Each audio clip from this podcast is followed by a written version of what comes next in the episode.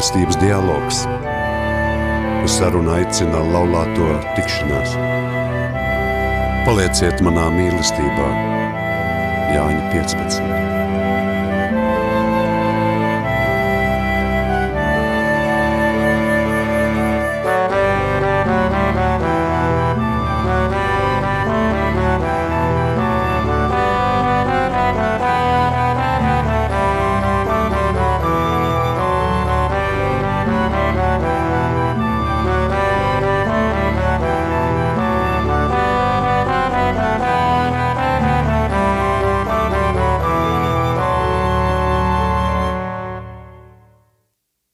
Kristus ir augšām cēlies.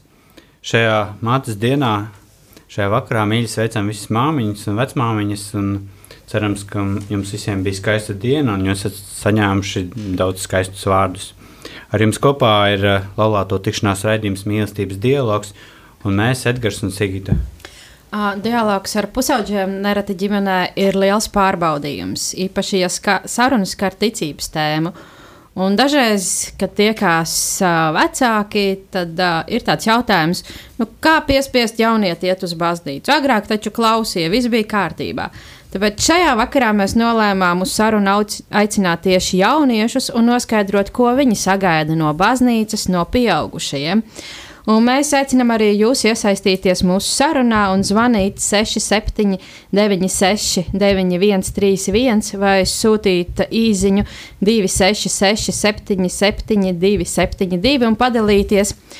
Ja jūs esat jaunietis, ko jūs sagaidat no baznīcas, lai tā jums šķistu interesanta, bet ja jūs esat vecāki, varbūt jums ir kāds padoms, kā runāt ar jaunieti par ticības jautājumiem un ieinteresēt viņus apmeklēt baznīcu. Bet ar mums kopā šovakar būs Markus un Rojas. Labvakar! Labvakar! Labvakar. Varbūt iepazīstiniet nedaudz ar sevi un varbūt arī padalieties, kāda ir jūsu pieredze ar baznīcu. Nu jā, kā jau teicu, man sauc Rojas, man ir 17 gadi. Esmu kristietis no dzimšanas, teiksim tā. Mana mamma ir bijusi kristīga, uh, un, un tēvs ne īsti līdz ar to tur bijis viedokļa atšķirība jau no paša sākuma manas bērnības. Un vienmēr ir bijis tā, tas, tā, tā diskusija, iet uz baznīcu, izvēlēties klausīt dievam, neiet uz baznīcu loģiski, domāt kaut kādas lietas.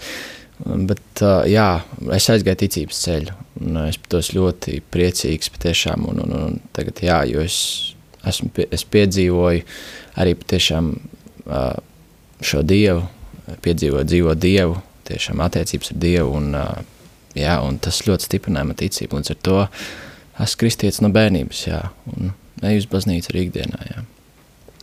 Un es esmu Markus, uh, man ir 16 gadi, un es, lai arī es, māc, es tā kā mācos katoļu ģimnāzijā no pirmās klases, bet uh, tik ļoti iesaistīts tajā baznīcas dzīvē, es neesmu. Es apmeklēju dievkalpojumus, ja tīpaši arī tādas svētkos, kā piemēram Lieldienas un Ziemassvētki, un, un es ticu Dievam, un nu, es sakoju tiem visiem, nu, tiem visiem, kā pateikt, principiem, paušļiem visiem, bet tik ļoti iesaistīts tajā visā dzīvē es neesmu. Labi, tad jautājums tev, kā tu jūties baznīcā un kādēļ? Uh, Jā, tev nu, nav tā, ka tu iesaistītos visā tajā dziļāk. Jūtos es, nu, es teiktu, ka labi. Nu, parasti dievkalpojumos vienmēr ir laiks padomāt, nu, pabūt ar sevi un padomāt arī par ieklausīties prediķiem, padomāt par sev svarīgām lietām, vai kā ar to saisties, un tad arī reizēm domas aizpeld kaut kur citur, bet tas kā labs laik, laiks pabūt kopā ar sevi. Un, uh, un it īpaši arī tas priesteris ir pazīstams, kā piemēram mūsu skolas kapelāns, tad tas tā kā tad, tāda draudzīga atmosfēra tie, tie rodas. Un, un, un, un, bet, bet iesaistīties, es pat, es pat nezinu, neesmu jūtis tādu to nepieciešamību tam. Tu nāc no ticīgas ģimenes? Jā, jā, jā, jā. mēs nu, ģimenē visi ticam Dievam, esam katoļi. Un, un, un, un, bet, kā jau minēju, nu, neesam tik ļoti. -hmm. Nu, jā, patiešām tas ir. Es varu pateikt, arī manā, jā, es kaut kā arī tīpaši laikam man ir bijis mazliet vieglāk ar baznīcas dzīvi, jo es vienkārši kaut kā tas ceļš ir bijis tāds, ka esmu gājis uzreiz kristīgā medārzā, kas arī bija tāds ļoti tāds vadīts ceļš, un pēc tam uzreiz aizgāju arī uz kā, šo katoļu ģimnāzijas, arī vienā klasē ar Markus. Uh, un es arī bija kaut kāds brīdis arī, kad šķita tas varbūt kaut kā tā baznīca un, baznīca un es bija mazliet tā attālāk, uh, bet tad es vienkārši iepazinos ar daudziem kristīgiem jauniešiem. Man ir draugi, katoļi, luterāņi, baptisti. Līdz ar to esmu bijis katrā no tām vietām un redzējis viņu to atmosfēru. Un, un, un varētu teikt, ka es esmu baznīcā šodien, tāpēc ka es, es sapratu tajā laikā, cik tas var būt forši un cik es varu kā, priecāties un būt brīvs un mīlēts un vienkārši šīs foršās visas tādas kopā būšanas ar kristīgiem jauniešiem, slavēšanas kopā mēs esam daudz slavējuši. Es pats spēlēju ģitāru, un uh, tā es saprotu. Uh, Un dēļ tā es arī, man liekas, man ir vieglāk būt baznīcā un iesaistīties tajā, bet es arī ļoti saprotu Markus. Uh, jo es, es pats esmu katolis, līdz ar to es katoļu baznīcā diezgan daudz ejot un redzot visu atmosfēru, var redzēt uzreiz šīs tādas lietas, kas uzreiz būtu tādi sarkanās, tādas zīmītas, kas jauniešiem būtu, ah, ah, es, es gluži negribu tur iet, un es negribu, jo ir diezgan daudz tādu, jo godīgi, tīpaši dažādas draudzēs un katoļu draudzēs. Bet, ja nedaudz atgriežamies atpakaļ jūsu bērnībā, jūs to pieminējāt, un jums ir tāds bijis kādreiz sajūta, ka jūs kaut ko piespiež? Vai tas vienmēr bijis tā kā brīvprātīgi jums? Es, nu, piemēram, mums skolā uh, reizē nedēļā pirmā stunda ir svētā mīsa, kuras laikā mēs kopā pa, klasi, pa klasēm ejam uz sasažamies solos, un tad mums, mums piestars vada, skolas kapelāns vada mīsa. Uh, pirmajās klasēs mīsa bija obligāta lieta. Nu, tas bija tā kā nu, stundu sarakstā, visi gājām, visi sēdējām, un tas arī tā kā pagāja. Tagad vidusskolā liela daļa izvēlas neiet uz dievkalpojumiem, nu, uz, pirmo stundu, jo viņi neredz tajā nepieciešamību. Un uh, es pats, nu, kā ja toreiz man tas bija kā, kā kaut kas, nu, tas bija nepieciešams iet uz turieni, un es arī vienkārši klau, gāju, klausījos skolotāju. Tagad es to varu darīt, vairāk daru brīvprātīgi, un tad nu, tur tā starpība. Jā, man būtu jāsaka, ka es neteiktu tā, ka gluži tev ir pasaka, tagad tu iesi uz mīsu un ar tādu varu aizdzen. Bet tas bija tāds, nu, nāc uz mīsu, tāds, nu, nāc. Tā kā, viņa ļoti, mana mamma, tā neskarbi, bet tā diezgan ar mīlošu balsu ļoti aicināja uz baznīcu. Un, uh, es gāju sākumā uz Magdalēnas katoļu draugu, uh, kas ir tuvāk pie manām mājām, kad es biju mazliet mazāks. Un vienkārši tur es uh, nesēdēju šajā misē, tur es biju bērnu istabiņā, spēlējos kopā ar bērniem. Uh, Un, un, un tur bija gāja divi mani draugi, un, un līdz ar to es ar viņiem vairāk pavadīju laiku. Uh, līdz tam brīdim, kad bija kaut kādi 12, jau 13 gadi, kad es jau sāku saprast, ok, labi, es, kā, nu, vairs, es gribētu arī paklausīties kaut ko, ko, ko tur saka, nevis tikai spēlēties. Un, un, un, un līdz ar to, jā, vienmēr nav bijis šī spiešana, bet ir bijis šis tāds aicinājums tieši nāc, lūdzu, nāc saņemt, ka tas ir svarīgs, ka tas nav tas tāds nāc apsēdies un vienkārši sēdi. Bet kā, tur patiešām ir kaut kas ļoti svarīgs un svēts, ka tur var saņemt vienkārši tādas lielas svētības un žēlstības, ja tu tur ej. Un līdz ar to tas manī kaut kā iegājās, un tas vairs kaut kādā brīdī vairs nebija tāds, tāds nebija vairs manī tā baigā pretestība iet. Bet arī tā pretestība nebija, jo es pats sapratu, ka es to gribu. Un tajā brīdī tur vairs nav pretestības. Ja. Bet līdz tam brīdim bija tāds, tāds vairāk tāds Nevis tagad sēdi atsēt, bet vairāk spēlēšanās un, un, un, un tāds jautri pavadīts laiks kaut vai. Mm -hmm. Pirms mēs pārējām pie manas nākamā jautājuma, es gribu nolasīt vienu viedokli, jo arī nedēļas sākumā mēs savos sociālajos tīklos uzdevām jautājumus, tāpat kā šeit. Un uh, jauniešiem tas bija jautājums, ko jūs sagaidat no baznīcas un, un kā jūs jūtaties baznīcā. Un viens tāds um, anonīms viedoklis mums atnāca. Es personīgi brīvprātīgi neapmeklēju baznīcu. Bērnībā biju ļoti ticīgs, vismaz man tā šķita. Tā nebija īsti mana izvēle, bet es vienkārši braucu uz baznīcu. Jau tad man īsti nepatika, bet es to apmeklēju. Vēlāk, kad spēju veikt patstāvīgas izvēles, vienā brīdī vienkārši beidzu to apmeklēt. Mise šķita garlaicīga, kā arī bija sajūta, ka dažas lietas tiek uzspiestas un savādāki viedokļi ir nepareizi. Savu vecāku vietā es baznīcas apmeklēšanu mēģinātu vairāk izskaidrot, kāpēc vispār ir jāiet uz baznīcu, nevis vienkārši tā ir pareizi vai vajag lūgties dievam. Baznīcas apmeklēšana aizņem ievērojamu daļu no brīvā laika, kuru jaunieši mani ieskaitot labāk pavada darot ko citu. Lai būtu vēlēšanās apmeklēt baznīcu, biežāk vajadzētu labāku mūziku, modernāku, labāku, kvalitatīvāku, bet joprojām kristīgu. No baznīcas draudzes un pieaugušiem sagaidu pretīm nākšanu. Dažkārt tie mēdz būt nosodoši par kaut ko nepareizi izdarītu. Tas, manuprāt, ir vēl viens iemesls, kāpēc jaunieši maz apmeklē baznīcu. Daži pieaugušie un draudzes locekļi mēdz nosodīt par baznīcas neapmeklēšanu un tam līdzīgām lietām. Nu, tad pagrieziena punkts varētu būt kaut kāds notikums dzīvē, kas ļoti skaidri man parādītu šo kristības ceļu. Un arī tu minēji par sarkanajām tādām zīmītēm, kas ir baznīcā. Tad kas ir tās lietas, kas baznīcā jauniešiem kā, nepatīk? Kā, ir tās sarkanās zīmītes. Uh, daudzi, es, es pavisam noteikti zinu, ka daudzi baznīcas uh, bau, ne baušļi, bet nu, tie, es pat nezinu, kā pateikt, nu, ne, noteikumi, kas stulbas kanāti, bet tie norādījumi. Nu, kā, kā norādījumi ļoti nu, daudz iet pret to situāciju mūsdienu mūsdien pasaulē, kas arī, arī tad jaunieši ļoti iesaistīti tajā mūsdienu pasaulē. Līdz ar to arī viņi redz tās nu, pretru, pret, pretrunas tajā visā. Un uh, tad arī kaut kādas iespējams. Nu, ja, palielināt, palielināt, tas arī, manuprāt, arī tas būtu, kas, kas, kas raisa to ne, ne, nepatiku, bet, nu, uh, nevēlēšanos iesaistīties. Tu vari kādu piemēru minēt par to, nu, lai tā mēs konkrētāk nedaudz runātu? Uh, viens visam nesen bija uh, arhivīskapa komentārs par, par uh, nu, kara upuriem, par, par abortu. Tas, tas piemēram, nu, ir, nu, cilvēkiem ļoti dalījās par to viedokli. Viens arī par cits ir par uh, viensdzimumu laulībām un tādā garā, un tas tā kā, nu, cilvēkam par to dalās viedokļi, un tad arī baznīcā ir viens, citiem cilvēkiem ir cits, un tas arī viņiem raisa to.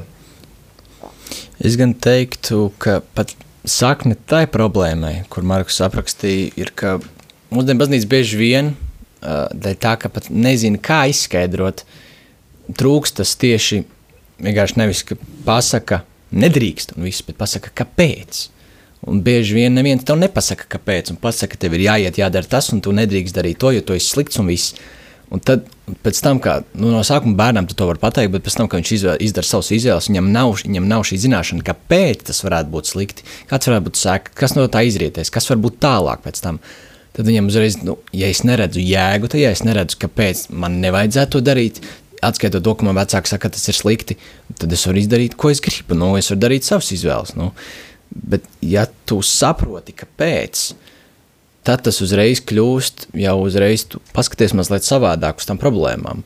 Protams, dalīsies viedokļi uh, par to, kas un kā, bet, ja tu saproti, no kurienes tas nāk, arī tiešām, kā ar šīm viensbumu laulībām tam līdzīgi, jā, daudz vienkārši skatās uz šo ārējo lietu, šīs, tas, tas ārējais, tas zīmoks, tas ir labi, un visi kristieši saka, ka tas ir slikti un ļaunais un labais. Uh, Ja, un, un tu, bet tu nepaskaties, kas ir dziļāk, kas ir apakšā, kas ir tie ievainojumi, kāpēc, kādi ir tie cilvēki, kas ir bijis ar viņu agrāk, viņa bērnībā. Jo tur jau sākas viss, ja, kas ir bijis mūsu ģimenēs, kas ir noticis mūsu sirdi, tad, kas ir ievainojumi, kas mums ir bijuši. Un ar to tas iemesls, kāpēc ir ļoti izšķirošs, vai cilvēks pēc tam vēlāk izdarot izvēli, viņš paliks baznīcā vai nē. Tas ir tas, kas izšķirs arī to, ka viņam, viņš saprot, ko un kāpēc un kas. Nu, un otrs, manuprāt, arī šis sarkanais ir, ka nu, baznīcā bieži vien var redzēt tādu pasivitāti no cilvēkiem. Tīpaši kaut kādā katoļa draudzēs, ka tas ir bieži vien jauniešu dzirdēt, nu, tā ir tantiņa, tantiņa, tantiņa draudzes, jā, nu, kur vecs tantiņas nāk no rīta vienkārši dzied savā balsī visādas litānijas un lūkšanas. Un, un, un, un tad, tad tas šķiet, ka nu, es te neiedaros kā jaunietis. Man gribās kā jaunietim kaut ko attraktīvu, enerģisku, interesantu, kaut kādu ļoti tādu neizaicinājumu, bet tādu foršu, foršu tāds piedzīvojums. Jo jaunieši meklē piedzīvojumus. Un, un, un, un, Bet tiešām tas ir tas, kas trūkst baznīcā. Jo tu redzēt, kā atnāk visi un ar galvām lejā nosēžās, visi sēž, palūdzas, aiziet prom. Un šķiet, ka kristiešos izzūd tāds prieks sirdī, jā, kad visi ir priecīgi apkārt, bet visi aiziet uz baznīcu ļoti nopietni. Jā, nu, protams, ir cieņa, bet kā, ir atšķirības starp cieņu un pasivitāti, kur tu vienkārši atsēdi. Jā, praktiski vienkārši, un tu saki, uh, man ir bijis, kad pirms es sēžu baznīcā un es kaut ko daru, un uh, pienāk viena sieviete, pēc tam pasaka, kāpēc tu, tā, kad tu lūdzies uh, apliecinājumu ticības, kāpēc tu nenoliec galvu vienā brīdī? Un man, man bija tāds, nu, ok, labi, ja tas ir tas, par ko tu domā tajā baznīcā, nevis par to, par savām attiecībām ar Dievu, kā Dievs tev grib palīdzēt vai grib mīlēt, bet ja tu domā to strateģiski, tādā, tādā šī ir jānoliec galva, te ir jāpaceļ galva, te ir jāapsēžas, te ir jānolikas, te ir jālūdz, te ir jāsaka tas, un tad tas, tas vairs nav dzīves, un šī dzīvība ir tas, kas pazūd, manuprāt. Es piekrītu Rojam, ka tie, tie rituāli visi, kas ir jāievēro, jo, jo tā jau tā kā Dievs ir visos, un tad palielam, nu, ej uz baznīcu, lai, nu, tā, lai tā kā stiprinātu to saikni ar Dievu, bet tas jau nav obligāti jādara visiem pareiziem not, not, noteikumiem, kodām, rituāliem, nu, kas, protams, nu, tas kā, nu, ir jāievēro tas, kā baznīcas tas iekārtojums un viss, bet, bet, nu, kā Rojas teica, ka ir fokusēties jau vajag uz tām vairāk tām, nu, augstākajām lietām, nevis to fizisko. Ja es drīkstu pieminēt arī pie tā, pieņems, mums ir arī ticības mācības skolā, un, un, un, un, un es redzu, tīpaši tagad vidusskolā ir nu, tas ticības mācības kurs, un tur ir sarežģīti termini visādi un uh, sarežģītas tādas lietas. Un es vienkārši redzu, kā cilvēkos viņi vienkārši nolaiž galvu, jau viss jau pazūd cerība. Es negribu to ticības mm. mācību tikai ne to, vai es lietu labāk kaut ko citu darīt. Ja, kad tu negribi, un tas kļūst par tādu biedējošu lietu, par tādu briesmu, kas nāk virsū, ja tu nesaproti, kas tas ir. Un es domāju, ja, ja es nebūtu nekad dzirdējis par Dievu, uh, Un man vienkārši teiktu, iemācīties rītīgi sarežģīts termins, kad 50 tev ir misijas kārtības visā jānoskaidro. Nu, tad es, mm. es izvēlētos, ka es negribu to darīt, tāpēc, ka es saprastu, nu, ka taču ir daudz labākas vietas, kur to darīt. Ja? Patiešām, jo, manuprāt, šīs tās, patiešām tās dzīvās attiecības ar Dievu, tas, tā, tā saruna ar Dievu, jo Dievs ir mūsu visos, un Dievs ir mūsu draugs. Viņš grib būt mūsu katra draugs, vienkārši būt ikdienā ar mums, visur mums. Un, uh, Un tas ir tas, kas ir jāmācās jauniešiem. Nevis, nevis manuprāt, tie visi tie garie termini. Un, jo Dievs ir vienkāršs. Dievs patiešām ir vienkāršs. Dažkārt mēs to aizmirstam pašu visu sarežģījumu. Un ar to tas atbaida jauniešu tā sarežģītību. Tu nezini, no kuras puses pieķerties tam. Bet mēs sāktu ar vienkāršām lietām un vienkārši pēc tam ieiet dziļāk un no citas puses ņemtu. Un bieži vien arī tas, ka, kā jau teicu, viedoklī neuzklausa jauniešu bieži vien un ir šis no no tīpaši cilvēkiem, kuri piedzīvojuši uh, padomu savienību, ir šis jau no viņa bērnības, ir, ka, ka tev ir jāiet, un tu nedrīkst pateikt nē, un, un tev ir jāklusē, un ja tev kaut ko pasaka. Un tagad mēs bieži vien arī vecāki dara tāpat ar saviem bērniem. Bet tad, kad bērni prasa, kāpēc, tad vecāki nezina, ko atbildēt. Jo vecākiem pašiem viņiem, viņiem nav pateikts, kāpēc. Un līdz ar to tur beidzās tā saruna, un līdz ar to nu, tā atbilde tev ir jāiet ilgs pāris gadus, un pēc tam, kad jaunietis pats var izvēlēties izvēli, viņš to neizvēlas. Mums ir atnācis viens jautājums. Varbūt jums ir kāda ideja. Jautājums tāds, kāpēc baznīca domā, kā iesaistīt jauniešus, bet nedomā kā vidējo paudzi? Un kur ir iemesls, ka draudzēs ir maz bērnu, jauniešu, pusmūžu cilvēku? Tā kā jūs domājat? Nu, tieši es gan nezinu, vidējo paudzi kas, kas būtu tieši, jo nu, pēc idejas jaunietis skaidrs līdz 35 gadu, gadu vecumam. Jā, nu, tad tā, nu, tā vidējā paudze būtu no 35 laikam līdz kādiem 50. nu, redziet, jau tas, tas jau, manuprāt, ir cilvēki, kas arī bieži vien vai nu apmeklē vai neapmeklē baznīcu. Bet nu, es saprotu, kāpēc. Jo, kā, šajā ziņā, cik es saprotu, ir šis viedoklis, kāpēc domā, kā piesaistīt jauniešus, bet nedomā, kā piesaistīt pārējos. Uh, Jo jaunieši ir kā, tas ir tas nākamais dzinējums, tas nākamais augsts, tas, kas nesīs augsts baznīcā. Tie jaunie vadītāji, jaunie priesteri, jaunie uh, visi, kas vadīs to. Un tagad ir kā, tas ir tāpat kā tu audzini bērnu. Tu nevari neko nedarīt līdz pusaudža vecumam, tā tad sāk kaut ko teikt, hei, vispār tagad es tev labprāt audzinātu, jā, bet tu to dari no pašiem maza bērnu kājām, un vienkārši tad tu pusauģu gados jau redzi, par, ko tu esi izaudzinājis to bērnu. Līdz ar to jaunieši ir, jaunieši jaunā nākotne, es nezinu, tāpēc. Bet kas mācīs to jauno paudzi, ja, vide, ja nebūs tās vidējās paudzes, kas viņu mācītu? Nu, tā kā, ja, nu, ja tā vidējā paudze ir tie vecāki, tiem, tai jaunai paudzei, tad kāpēc, lai vidējā paudze mācītu jaunai paudzei, viņi paši neko par to nezina? Tā kā lai tu iemācītu kaut ko jaun, jaunajiem, ja vienkārši nav kur to mācīt? Bet man, man tieši liekas, ka tieši vidēji paudzes tiek diezgan daudz mācīts. Es zinu, ka mana mamma bieži vien iet uz visādām kādām rekolekcijām, uz kādām dažādām kādām vietām. Bet tā atkal ir tā izvēle, vai tu, vai tu gribi iet vispār jā, tādās lietās, vai tu, ja, piemēram, nu, mana māma izvēlās. Viņa saprot, ja es gribu uz kādām rekolekcijām, tur saņemšu mieru, rīktīgi, tur es gribu atpūsties, rīktīgi un atjaunoties.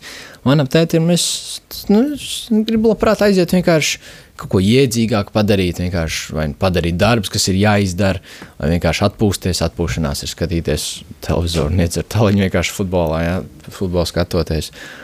Tas, ir, tas atkal nāk no tā, ko vecā paudze ir iemācījusi viņiem.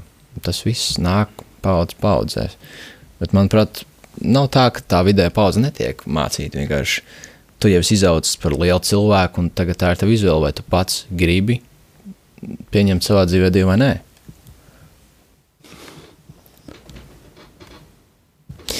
Uh, varbūt jautājums, ko jūs sagaidat no baznīcas draudzes pieaugušajiem? Jā, bet uh, varbūt uh, pirms tam tomēr jautājums tas, ko oh. tu, Markus, gribēji, tas, ko minēji par šīm divām tādām, viņas īstenībā ir ļoti kardinālas lietas par uh, vienzimumu laulībām un abortu legalizāciju. Bet jūs tiešām domājat, ka, ja to, piemēram, atļautu, tad baznīcas būtu pilnas? Nē, būtu jaunas lietas, jaunas problēmas. Nu, ja baznīca būtu visu pieņemoša, tad, nu, tā kā, ja, nu, kā kāds bija minējis, ka Dievs ir visos, un tad, tad ja visi tiktu pieņemti baznīcā, neatkarīgi no tā, no kurienes viņš ir nācis vai kāds viņš ir, tas pieņem, ka cilvēks, jo tā kā nu, cilvēkam vajag to ticību, un viņš vienalga meklē kaut ko, kam ticēt, un tad tas vienkārši būtu labs iemesls cilvēkam sākt, nu, ticēt Dievam, nu.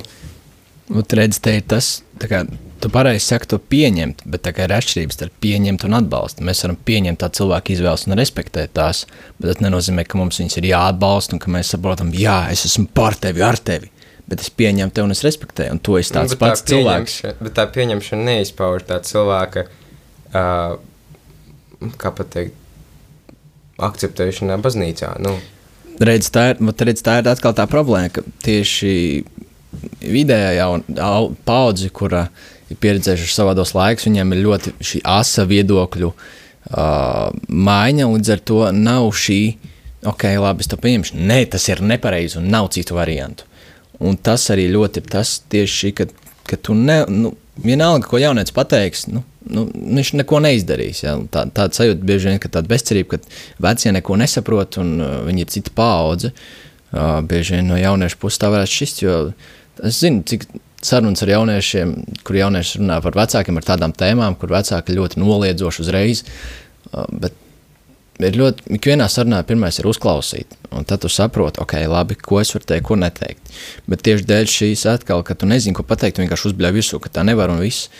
Bet vienkārši, ja mēs izmainītu to, kā runā par tām lietām un pateikt, jo, jo tā kā man patīk arī pāvests, man liekas, to teica Francisks, uh, Kā, mēs pieņemam tos cilvēkus, mēs neatbalstam, bet mēs pieņemam. Jo, ja mēs nepieņemam, tad kāda vispār, ar ko mēs esam labāki? Jā? Jo mēs esam tie, kas mūsu mērķis, kā kristiešiem, ir vienkārši sludināt Dievu vārdu, pieņemt cilvēkus, mīlēt, kā Jēzus to ir darījis. Jo Jēzus mazgāja kā saviem mācekļiem, viņš teica, ja es esmu to darījis, tad arī jums jādara tas citiem. Bet, ja mēs jau paaugstinām, mēs esam labāki par jums, un jūs esat sliktāki, nu kas tad mēs esam par kristiešiem? Bet, ja kristieši varētu saprast to, ka vienīgais veids, kā tu vari to dievu mīlestību iedot otram cilvēkam, ka tu pieņem viņu tāds, kāds viņš ir, pēc tam tu noskaidro, kāpēc un kas, un pēc tam sākas sarunas, tu atver to cilvēku. Jā, bet tad, kā te ir tā atšķirība starp tu pieņem to cilvēku, es tagad tu pasaki cilvēkam, es tev pieņemu un es respektēju tevi, tavas izvēles, bet es personīgi tas neatbalstu, bet es pieņemu tevi un respektēju. Mans uzdevums nav tev piekrist visā, ko tu saki, jo man var būt mans viedoklis, bet es pieņemu tādā ziņā, ka manas, es tevi neizstumšu, neskatoties uz to, kāds tu esi. Tad, bet bieži daudzi tieši uzskata, ka pretēju, un es pieņemu, ka būtu vienkārši baznīcai tas jāakcentē, un vienkārši tam cilvēkiem, tiem baznīcas cilvēkiem jāsaprot Nu, jā. uh, tas, un tad tā kā, nu, iespējams, tad būs tās lielās pārmaiņas.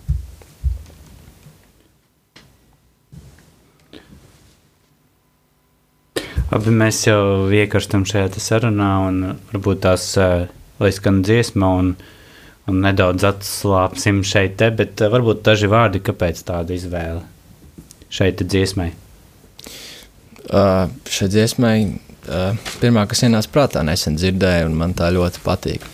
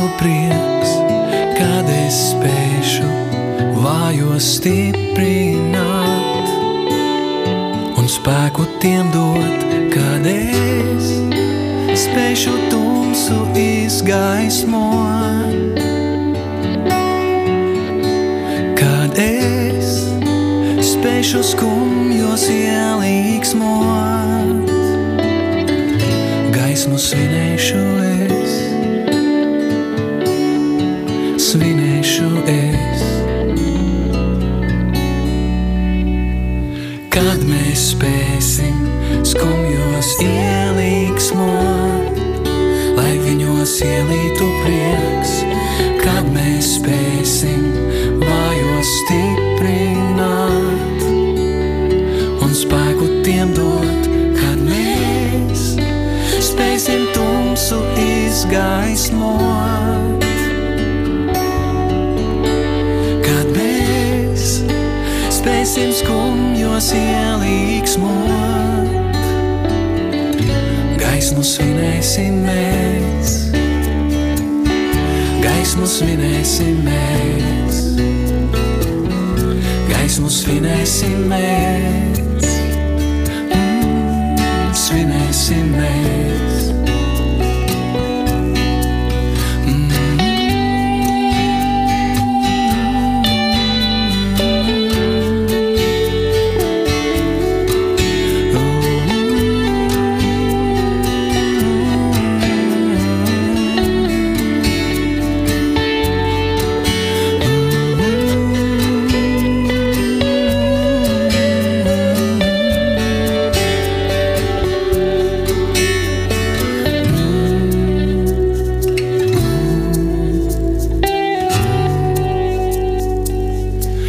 Gaismu svinēsim mēs, svinēsim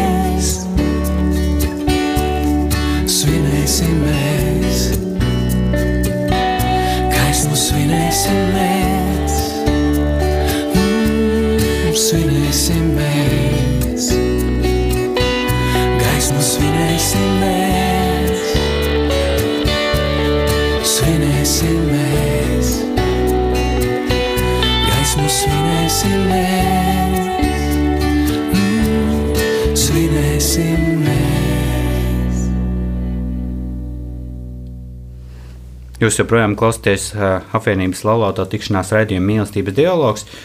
Uh, šovakar kopā ar jums esam kā vienmēr Edgars un Sigita. Un, un ar mums kopā ir Markus un Rojas. Un mēs turpinām sarunāties par to, ko jaunieši sagaida no baznīcas.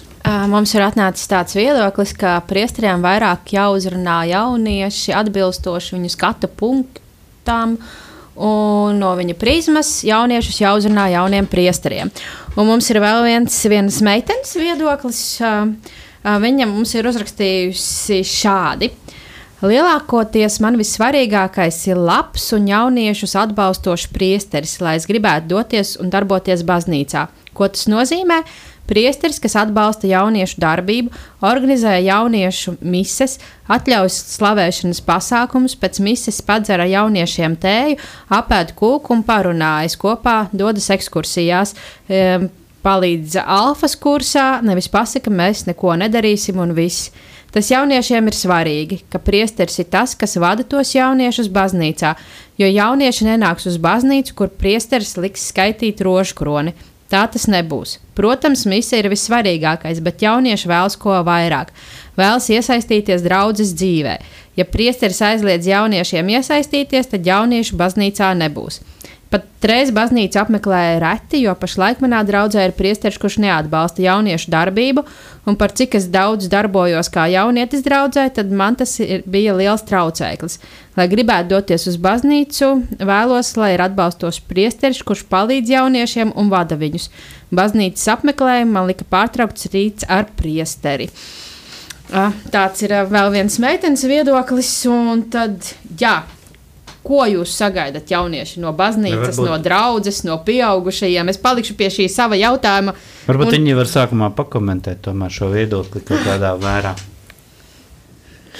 Nu, jā, es, es gan varu teikt, ka šai jaunietei ir, ir, ir savs uh, skatu punkts, un es saprotu viņas skatu punktu. Jo, jo patiešām, bet viena lieta, ko es pat pamainītu, ka uh, ir vajadzīgi kādi jauniešu vadītāji un atbalsts no baznīcas un priesteriem, lai spētu rīkot šos visādus dažādus jauniešu pasākumus, jo patiešām jauniešiem ir vajadzīgi šie pasākumi. Un, uh, tas, kas ļoti pietrūkst, ir visādi jauniešu vakari, kaut kādas slavēšanas ar jauniešiem, kur ir nevis. Kur ir Kur tu vari kā jaunietis atnākt? Nevis, kad visi atnāk, gan tantiņas, gan jaunieši, bet tikai kāds jauniešu pulciņš, un viņiem ir sava veida slavēšana. Uh, un, un šis pasākums jau, un, un es arī eju uz Lutāņu tādu draugu, kas, ja es draugs jauniešu vakarā, kur arī tagad ir diezgan daudz man draugu, un brīnišķīgas attiecības veidojas un ar draugiem tajās vietās. Bet vienkārši es tur ļoti piedzīvoju, kā, kā šī iesaistīšanās draudzē, kā jaunietim, var būt ļoti fantastiska. Un, uh, tur arī būtībā ir tas, ka ir kāda jauniešu vadītāja, kāda komanda. Un baznīca iedod kādu daļu no saviem ziedojumiem, kas ir kā, nu, lai to varētu kā budžets, kur varētu veidot dažādas jauniešu pasākumus, jauniešu vakars, dažādas izbraucienus un tam līdzīgi. Un jaunieši vienkārši arī veido šos jauniešu vakarus, kuros ir dažādas aktivitātes, arī nozīmīgas lekcijas, arī slavēšanas, arī tas prieks, tas uh, tiešām šis enerģiskums un, un, un, un tiešām ša, dažādi šie jauniešu pasākumi, kur jaunieši var uh, patiešām būt tā kā tādā savā, savā tādā kopienā, bet tomēr draudzē, tomēr tādā kristiešu tādā kopienā, kur viņi var patiešām darīt lietas kopā. Un ar to es ļoti saprotu, ka uh, ir vajadzīgs šis atbalsts no baznīcas no priesteriem, un ir vajadzīgi šie jaunieši, šie jaunieši, kas uzņemtos arī vadīt citus jauniešus, un, un, un jā, kas ir tāda, manuprāt, arī diezgan liela tāda uh, kļūda, ka bieži, bieži vien priesteri tā kā taisa priekš jauniešiem kaut ko. Jo nu, dēļ šīs dažādas vecuma grupas un dēļ šīm dažādām interesēm, bieži vien vecāki un priesteri nesaprot līdz galam, ko tad jaunieši gīst, grib, kas viņiem negrib, kas patīk, kas nē. Un ar to tieši ir ļoti svarīgi, ka mēs ļaujam jauniešiem izlemt, ko jaunieši gribēs. Jā, un, un, un, un patiešām, ka uh, ir kādi jauniešu vadītāji, kuriem var uzticēt tiešām šīs lietas un, un, un vadīt to un veidot. Un, kad vienkārši tas ir vajadzīgs ir atbalsts. Mēs jums dodam, taisiet. Mēs palīdzēsim, kā mēs varam. Mēs varam sagādāt kaut kādus projektorus, kaut kādas dūmus, mēs varam kaut kādas telpas, vienkārši kaut ko. Un, un, un, un, un, jā, jā, vienkārši. Un, un, jā, kad ir vajadzīgs šis atbalsts, tad kaut kas var sākt notikties. Taisnība vien ir kāda jāgiet. Nu, Piemēram, iedomājies, ja tu esi cilvēks, kurš meklē savu ceļu, un atnāk uz baznīcu, un tur viss, kas kārojas, teica, tantiņa sēž un lūdzas. Ja? Un ko, kā, ko no tā, nu, kāda jēga tev palikt, tas vispār nu, neien, nu, vai neieinteresē. Un, uh, un pat ja arī, nu, ja kā priesteri, nu, no priesteri nesagaidīja nekādu iniciatīvu, un tad vajag kaut ko, kas aizrauj, ja vien tu neesi uzaugusi kristīgā ģimenē, kur jau saproti lietu kārtību. Un, jā, un uz tavu jautājumu, kāds bija vēlreiz tas jautājums? Ko jūs jaunieši sagaidat no baznīcas, draudzes, pieaugušajiem? Jā, Nu, jā, tas šeit kopumā jau būtu kaut kādas daļas, jau pieminēja, ka nu, pirmais jau ir atbalsts. Jā, ka, Bet uh, es uzreiz precizēju, droši. pajautāšu, ko nozīmē atbalsts. tas nozīmē, eh, no šī skatu punkta runājot, ka es kā jaunietis, kurš grib uh, kaut kādas jauniešu vakaras, kad es varu aiziet pie priestera, klau man ir ideja. Uh, es gribētu, es redzu, ka mums ir kaut kādi jaunieši, mēs varētu mēģināt kaut kādus pasākumus, varbūt uzrīkot kaut kādas slavēšanas jauniešiem. Un uh, jauniešu vakaram vajadzētu telpas, vajadzētu, vai tu varētu palīdzēt uh, sakārtot kaut ko, mēs varētu tikt tajās dienās, vai varētu sarunāt laiku, vai mums varētu kaut kādu budžeta ēdienu nopirkt. Jo nu, tas, kas jauniešiem ir ēdiens, ļoti piesaistīs. Ja, tur, kur ēdiens, tur būs jaunieši arī. Un, un, un uh, tādu vienkārši tādu atbalstu, ka tas ir kā, ka tev ir blakus kāds vienkārši kaut vai. Uh, Kad tu vienkārši pasaki, ok, labi, mēs varam sarunāt, es jums iedošu atslēgas, mēs varam sarunāt to un to un to. Un to kad, kad nav šis tāds, nē, mēs, mēs, mēs neko nezinām, es neko nevaru, vai nu dari pats, vai nu, vai nu neko nezinu, ja, kad ir šis atbalsts no, no, no, no šī draudzes priestara puses. Uh, un, un, un, un, jā, tas ir viens. Bet uh, es uh, piedodu, ka pārtraucu, bet uh, tev ir personīga pieredze vai zināms, kā cilvēks, kas ir kā, nu, mēģinājis to darīt, bet viņam ir atteikts. Uh, Tieši vien katoļu draugzēs, es saku par katoļiem, bet es vienkārši kā katolis bieži vien tur arī pamanu kaut kādas lietas. Uh, ka, nu, nav tā, ka gluži atteikts, bet nav arī tāds, ka nav tāds uzsvērts, ka mums vajag. Ja, kad bieži vien nav tas, ka ir tāds, nu, ja tagad pie manis atnāks tāda vesela komanda, un tad es, nu, es pateikšu, nu jā, bet uh, nav, nav tas tāds, tas tāds, mēs gribētu kādu jaunieti. Nav tas, ka mēs aicinātu kādus, nav tas tāds aicinājums, ka mēs gribētu, lai kādi jaunieši nāk, ja kāds, kādam ir vēlme, droši var pienākt pie manis. Ja bieži vien jaunieši nemaz nepajautā, jo, nu, ja tu bieži vien nemaz nenāk tāda ideja pajautāt, ja, ja, ja neaicina bieži vien, un tad, ja, nav pietiekams šis tas aicinājums par to, ka, nu, nāciet, mēs ļoti gribētu, ja ir kāds, kurš gribētu, mēs varam sarunāt, mēģinam, un bet bieži vien ir tas, ka, jā, ka tu bieži vien aptrūkstās gan jauniešu, gan idejas, gan nevar to visu salikt kopā, es gan arī savā draudzē, es, es saprotu to, kas ir vajadzīgs, bet es saprotu, ka es viens uz sevi to nevaru pavilkt. Jā, un, un, un, ja nav tādas, jo es viens arī nevaru pieaicināt visus jauniešus, hei, visi nākam un visi man tagad paklausīs, teiks, jā, roj, davai. Jā, nu nav tā gluži, ja, ka tas ir tāds komandas darbs arī, ja draudzē aicina un kad uh, viss šis uh, cits veids, teiksim tā, piesaistīšana no citām draudzēm, priesteriem un šis notiek šis, uh, šī tīklošanās, teiksim tā, šis uh, starp uh, jauniešiem un tam līdzīgi. Un, un, un es nezinu, vai es precizēju tev uz atbildēju uz to jautājumu, Paldies, jā. bet jā, tā ir tāda viena lieta. Par lielam piekrītu Rojam, ka tas atbalsts ir svarīgākais un tā iniciatīvas izrādīšana, lai aizrautu. Par lielam, man, es pat nezinu, nu, nu, tā int interese, lai, nu, kāds bija minējis pirms tam, ka cilvēks nebūs interesēts, nu, jaunieci īpaši, kaut kādā lietā, kuru nebūs kaut kas, kas viņu aizrautu. Un kā Rojas pieminēja, kaut kādi jauniešu vakari arī ļoti labi dara tam, lai vismaz tā labā laika pavadīšanas dēļ, varbūt cilvē- cilvēks, cilvēks kaut, ko, kaut ko no tā jau iegūst. Tieši tā, jo bieži vien es zinu arī tajās jauniešos, kuros kur es eju, bieži vien vienkārši cilvēki, nu, dzird kaut kādu filmu vakaru vai kaut kādu spēļu vakaru vai kaut kādas, ā, arī, kad citreiz kādas lekcijas par vienkārši viņiem ļoti svarīgu tēmu tajā laikā, viņi vienkārši atnāk. Un pēc tam viņi vienkārši caur to pirmo pieredzi, saprot, wow, es te jūtu, ka esmu pieņemts, man patīk tev, es atnākšu otrais. Bet, ja tu ej un viss tev ir tāds svešs, un tas ir tāds, nu, ja tu gribi nākt, ja negribi pats vainīgs, nu, tad, tad uzreiz tā skatās tev uz leju, uz visu, ko tu dari. Tad ir tāds, nu, ja tu nejūties pieņemts, tad tu negribēsi nākt otrais. Jo, man liekas, šī pieņemtība, ka tu jūties savējais, ir ļoti svarīga baznīcā, kā jauniešiem. Līdz ar to šie. Tā kā jaunieks ar jaunieti mums ir vairāk kopīgi, mēs jau jūtamies savai, pat ja mēs nepazīstam viens otru.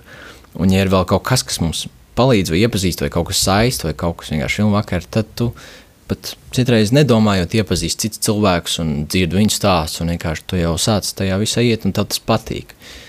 Un, un jā, patiešām tas ir tas atbalsts. Un es pat nezinu, vai kā varētu teikt, vai tādi kursi, bet tādi kādas lietas, kur tie būtu kursi, es nezinu, kursi runāja par kontroversālām tēmām. Jo jauniešiem ir ļoti daudz jautājumu.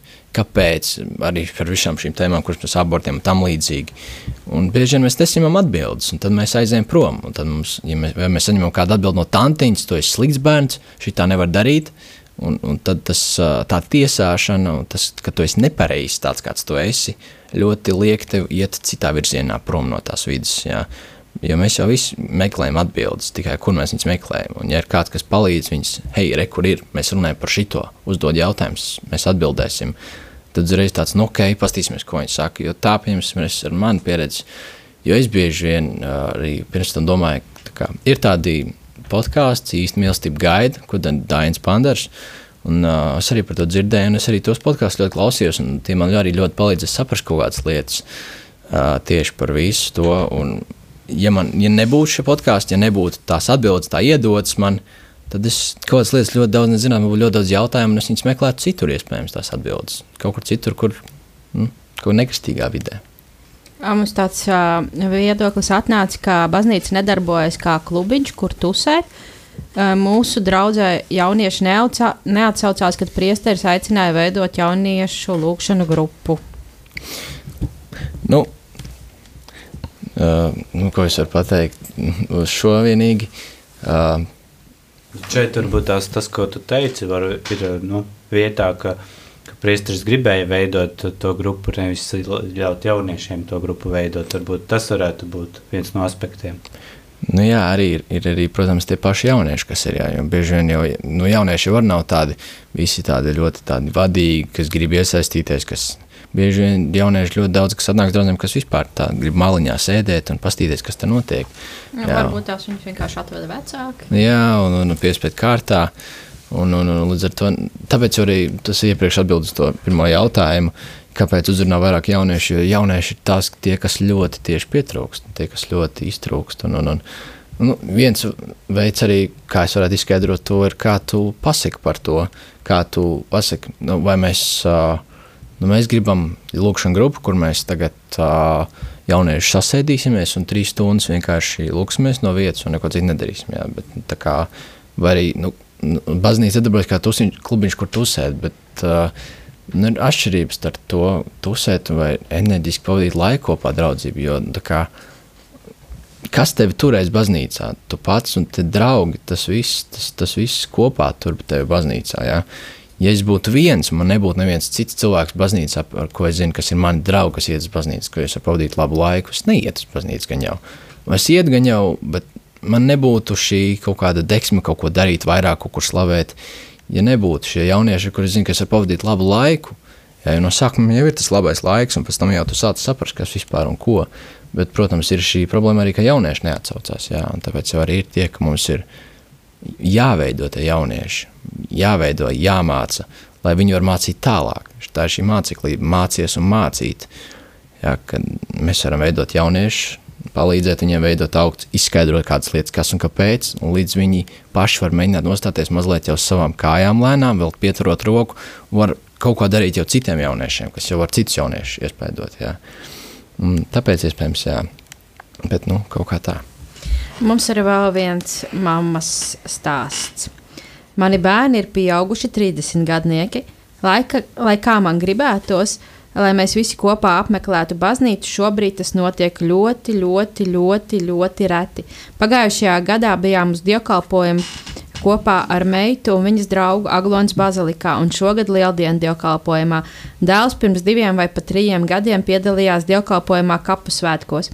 Atceros, bērni bija mazi, viņu pilsētā katoļu baznīcas vēl nebija, bet mēs visi kopā ar bērniem gājām uz citām baznīcām.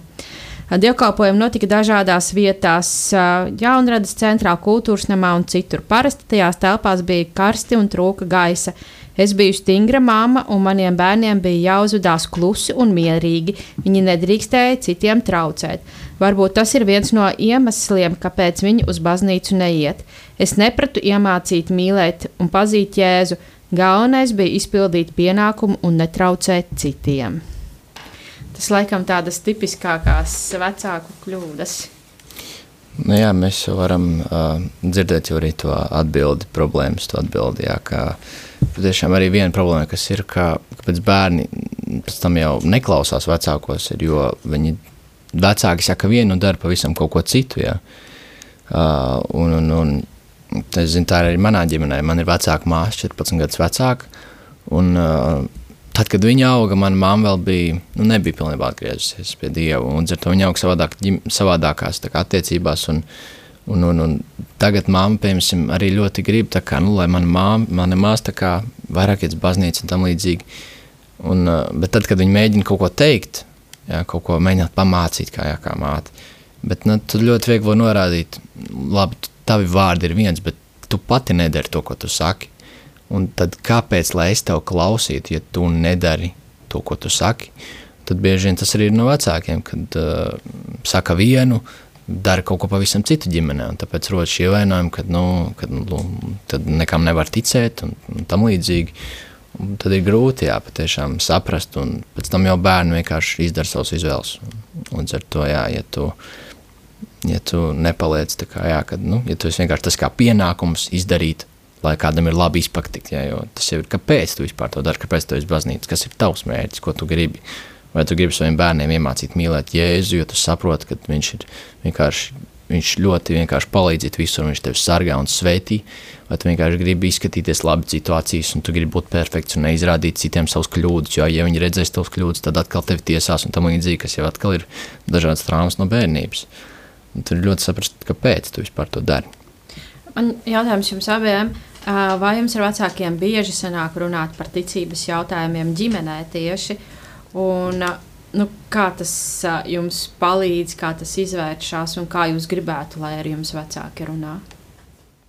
Nu, man ar mammu ir diezgan uh, līdzīgi uzskati par, nu, par dažādām tēmām, un, līdz ar, nu, un arī par to baznīcu. Un, un ka mums pa lielam nav nekādu īstu domstarpību, kā cita, citās ģimenēs ir.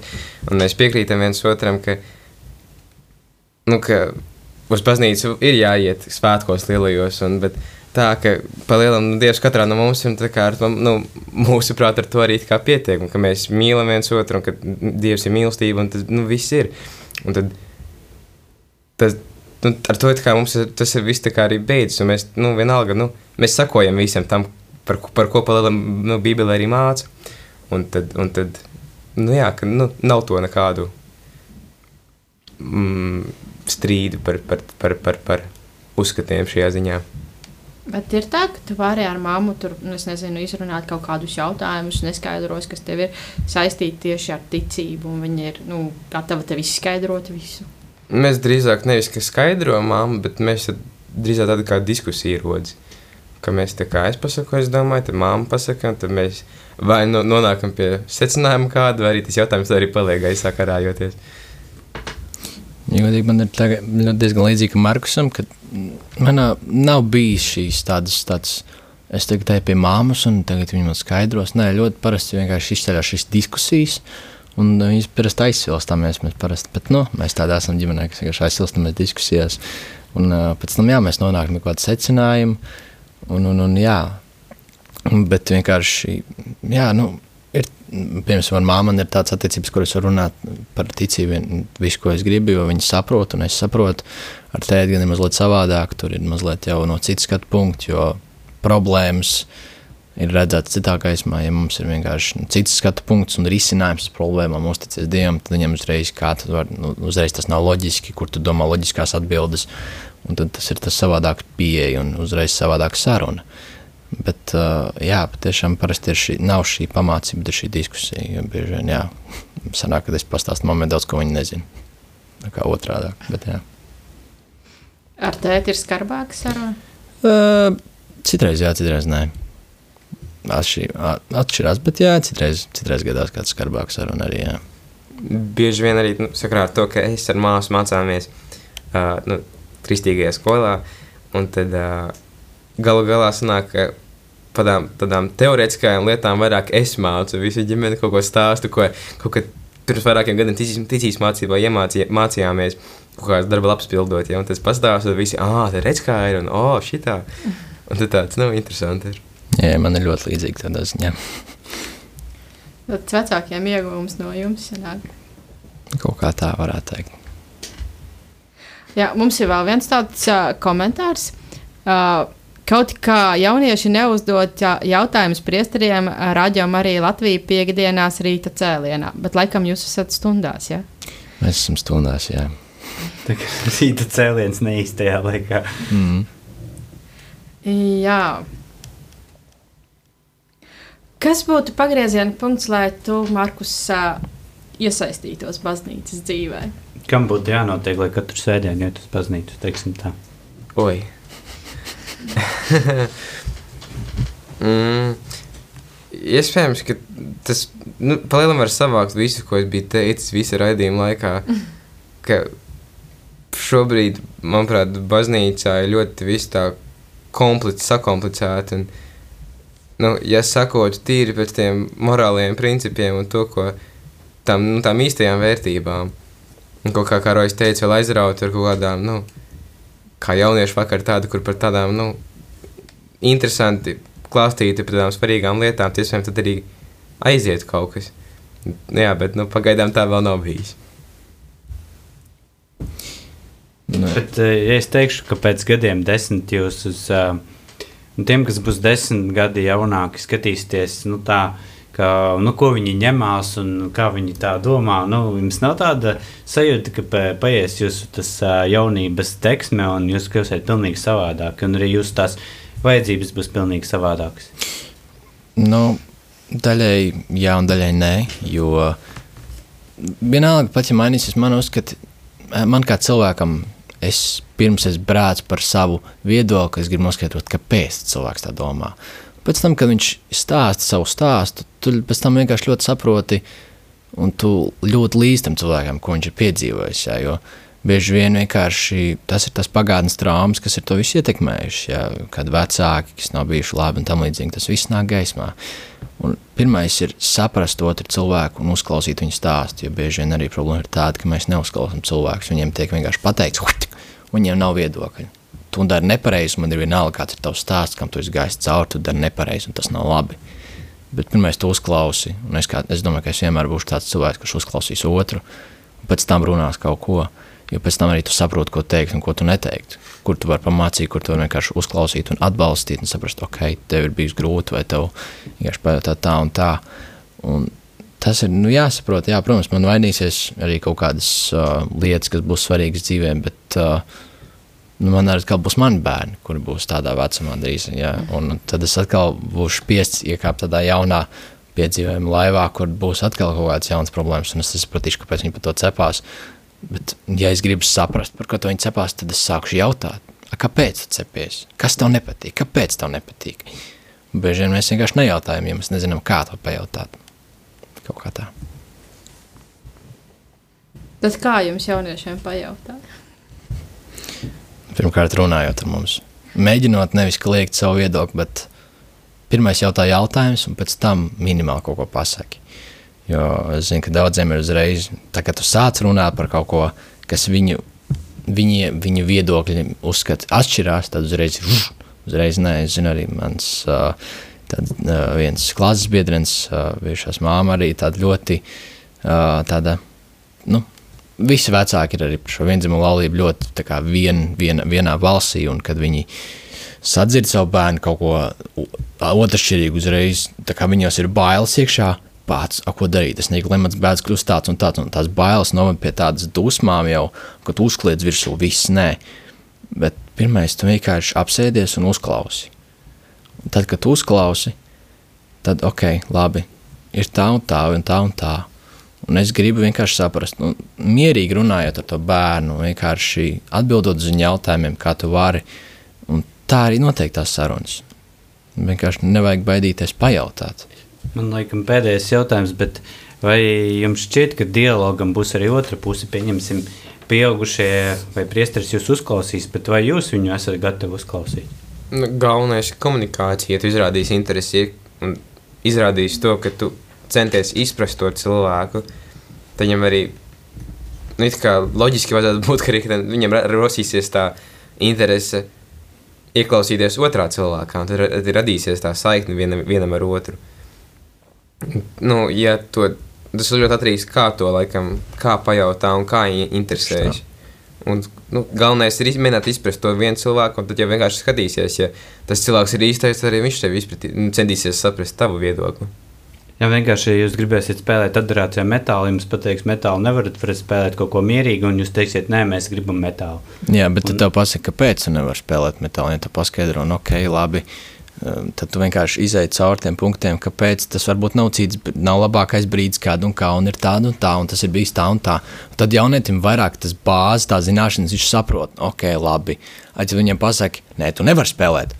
A, kāpēc es nevaru? Nē, tu nevari spēlēt. A, Un tad, tad, tad vairs nav nekādas, nav vairs nekāda diskusija. Tas ir vienkārši, kurš skaļāk pabeigts, un kurš uzvarēs ar skaļāko balsi. Tad arī vēl piedāvāt kādu alternatīvu. Tieši tā. Labi, mīļie, mums jau jāsāk beigt. un Paldies par, par jūsu viedokļiem, kaut varbūt tie ar mūsējiem nesakrīt, bet tomēr bija ļoti interesanti par tas uzklausīt. Nu, tas ir mans personīgais tikai vērtējums, bet uh, jā, šis raidījuma laiks jau ir galīgi uz beigām. un Paldies, ka jūs mums klausījāties uh, šajā raidījumā, mīlestības dialogs. Aicinām uh, jūs runāt vienam ar otru, runāt gan, gan savā starpā, gan arī ar jauniešiem. Jūs tagad dzirdējāt šajā raidījumā, cik tas ir svarīgi. Un, un ja laulātie pāri kāds vēlas arī veikt tādu īpašu dialogu, var uh, pieteikties uz mūsu nedēļas nogalas rekolekcijām, kas ir no 3. līdz 5. jūnijam. Par to var vairāk uzzināt mūsu mājaslapā www.laulātiem.lv. Tāpat mēs rīkojam arī mazās grupas, kur pāri, kas bijuši rekolekcijās, var atjaunot savu dialogu. Un, uh, mēs piedāvājam arī tādu iespēju, ka uh, ja mūsu animatori palīdz jums krīzes situācijās. Arī par šo informāciju var uh, atrast mūsu mājaslapā. Mums var sekot līdzi arī mūsu Facebook lapā, uh, kas beidzas ar laulātiem. Un uh, novēlam jums skaistu vasaru, jo šis ir mūsu sezonas pēdējais raidījums. Par kādām tēmām un ierosinājumiem jūs droši varat uh, mums uh, sūtīt uh, piedāvājumus nākamajam uh, gadam, un ceram jūs arī satikt uh, Aglonā. Bet uh, raidījuma nobeigumā uh, laulāto tikšanās lūgšanu. Kungs, Jēzu, es lūdzu tev dialogu dāvanu mūsu laulībai, palīdzi man vēl labāk ieklausīties manā sievā, palīdzi mums apusēji labāk iepazīt vienam otru, dalīties vienam ar otru, piedot viens otram, dod mums delikātumu, maigumu mūsu sarunās un dari, lai tās vestu pie patiesas tikšanās vienam ar otru un abiem kopā ar tevi. Palīdzi mums aizvien labāk pieņemt vienam otru, radīt vienotību, kurā varam palikt tādi, kādi esam. Lūdzu, dziedini to, kas mūsos ir sarežģīts un grūti panesams, kas mūs šķir, un palīdzi visus lēmumus pieņemt ar mīlestību, kas izriet no dialoga vienam ar otru un ar tevi. Palīdzi mums priecāties par mūsu laulību un vienmēr palikt tavā mīlestībā. Āmen.